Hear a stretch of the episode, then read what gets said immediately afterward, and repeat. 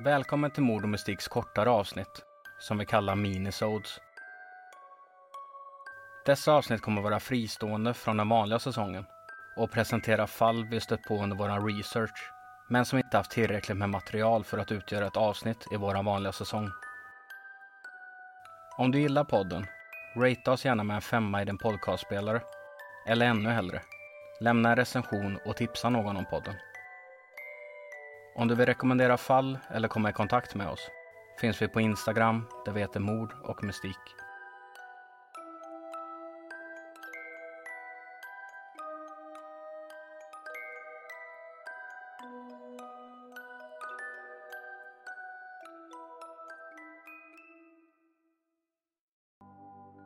Under 1900-talets tidiga decennier svepte en mystisk och skrämmande sjukdom över världen som kom att få smeknamnet sömnsjukan.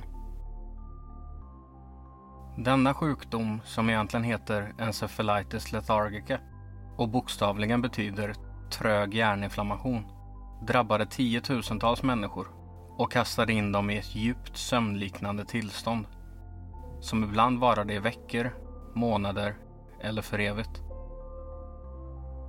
I skuggan av den betydligt dödligare pandemin, den spanska sjukan, härjade sömnsjukan i det tysta och det är svårt att säga hur många som egentligen drabbades. Och trots att medicinsk vetenskap har kommit långt under de senaste hundra åren är orsaken till sömnsjukan fortfarande okänd. Än idag.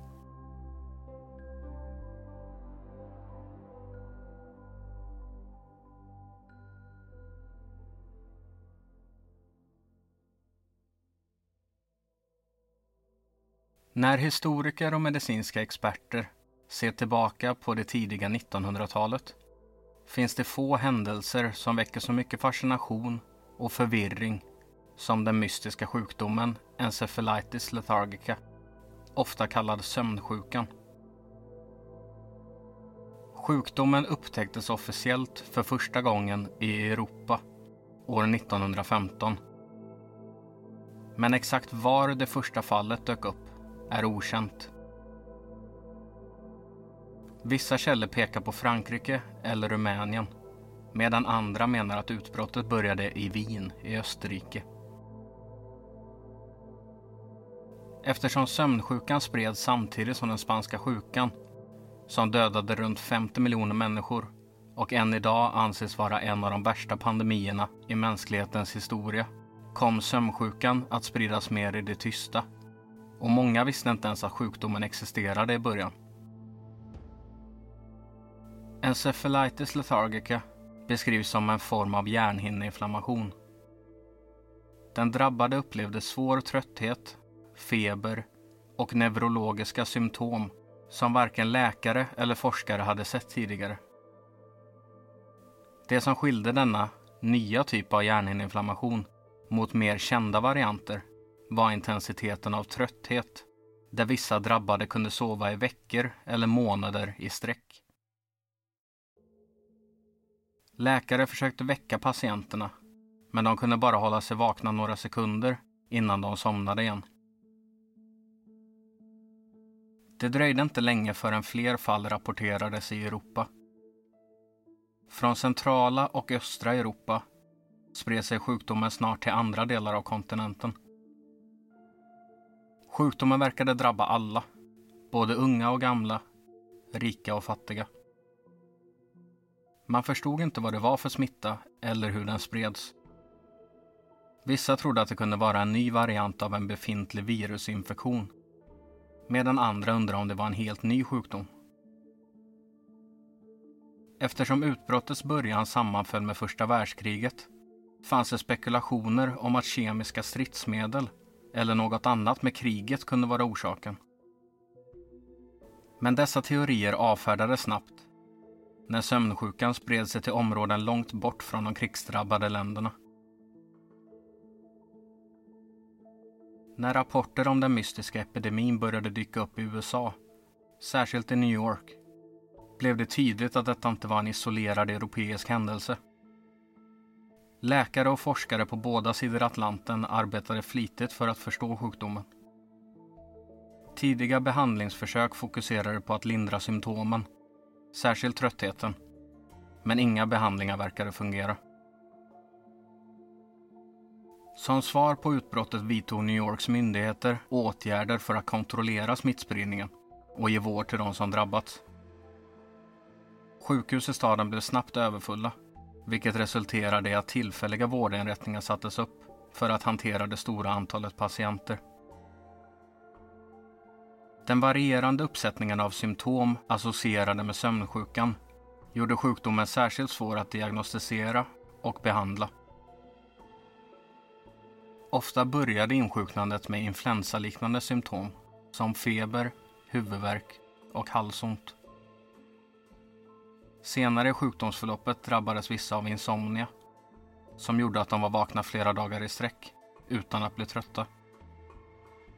Men för de allra flesta var det huvudsakliga symptomet att de drabbades av en extrem trötthet.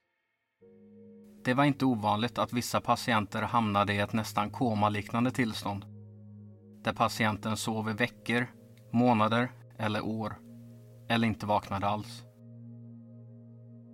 En observation från år 1917 beskriver hur en pojke anlände till sjukhus den 20 april. Då befann han sig redan i koma. Läkarna försökte förgäves att hjälpa honom. Men åtta dagar efter han anlänt avled han. Andra återhämtade sig helt, utan någon behandling alls. Många drabbades också av neurologiska störningar, som exempelvis ofrivilliga rörelser, skakningar och ryckningar. Vissa blev extra hårt drabbade och tappade förmågan att röra sig och prata. Man kunde också drabbas av psykiska åkommor. Många började hallucinera och drabbades av ångest, paranoia och i vissa fall depressioner.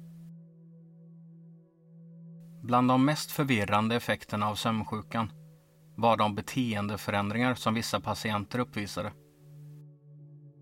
Personer som tidigare varit utåtriktade kunde plötsligt bli tillbakadragna eller apatiska medan andra blev irritabla eller aggressiva. Dessa förändringar var särskilt svåra för familjer och läkare eftersom de smittade plötsligt kunde ändra beteende och uppträda helt oförklarligt och oförutsägbart. En av teorierna kring sömnsjukans uppkomst var att det ska ha funnits en koppling mellan sjukdomen och den spanska sjukan som varade mellan åren 1918 och 1920. Eftersom de insjuknade i sömnsjukan ökade kort efter att den spanska sjukan härjat föreslog forskare att det kanske berodde på en så kallad immunrespons mot influensaviruset. Det vill säga att kroppen efter en infektion felaktigt attackerar delar av hjärnan, vilket leder till neurologiska och psykiska symptom. Detta skulle kunna förklara de märkliga tillstånden folk upplevde. Men det gav fortfarande ingen förklaring till varför bara vissa personer drabbades. Och varför det uppstod en plötslig topp och sedan ett snabbt avtagande av antalet sjuka. Mysteriet kring sömnsjukan kom att skildras i filmen Awakenings med Robert De Niro och Robin Williams i huvudrollerna. Filmen baserades på neurologen Oliver Sacks bok som bygger på verkliga observationer och experiment som han gjorde på personer som aldrig kommit ur sitt sovande tillstånd till följd av sjukdomen. Robert De Niro spelar en patient som lider av encephalitis lethargica och som varit i ett katatoniskt tillstånd i flera decennier. Läkaren, som spelades av Robin Williams, lyckas väcka honom genom ett läkemedel som heter L-Dopa som vanligtvis användes för att medicinera patienter med Parkinsons sjukdom. När Oliver Sacks gav läkemedlet L-Dopa till patienterna vaknade många av dem upp från tillståndet. Några för första gången på 40 år. Denna uppvakning var dock inte permanent och effekterna av L-Dopa varade inte. Eftersom läkarna inte förstod vad sjukdomen berodde på från första början lyckades de inte framställa något annat botemedel heller. Efter år 1926, efter att ha drabbat tiotusentals människor världen över, började antalet smittade minska drastiskt. Lika plötsligt och oförklarligt som det hela började. De flesta som insjuknat återhämtade sig helt utan någon behandling alls. Men för vissa lämnade sömnsjukan permanenta skador, både fysiska och psykiska. Och bara för att man tillfrisknat för stunden betyder det inte att sjukdomen helt lämnat kroppen. Många patienter utvecklade Parkinsons sjukdom efter sitt tillfrisknande eller insjuknade i det tillstånd som skildras i filmen Awakenings som gjorde att de var fysiskt vakna men psykiskt sovande. Efter ett sekel av forskning och observation kvarstår encephalitis lethargica som ett av de största medicinska mysterierna i modern tid. Trots att flera teorier kring sjukdomen har presenterats genom åren, från virusinfektioner till autoimmuna reaktioner, vet fortfarande ingen vad sjukdomen egentligen berodde på.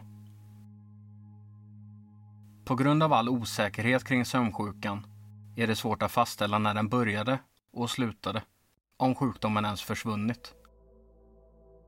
Så sent som år 2015 publicerade en tidning en artikel om en pojke med HIV som efter att ha anlänt till sjukhus började utveckla symptom som liknade sömnsjuka. Som extrem trötthet och muskelsvaghet. Trots all osäkerhet kring sjukdomen finns det en sak som är säker. Att den plötsliga uppkomsten, de diffusa symptomen och dess abrupta minskning av fall har lämnat ett avtryck av mystik i historien.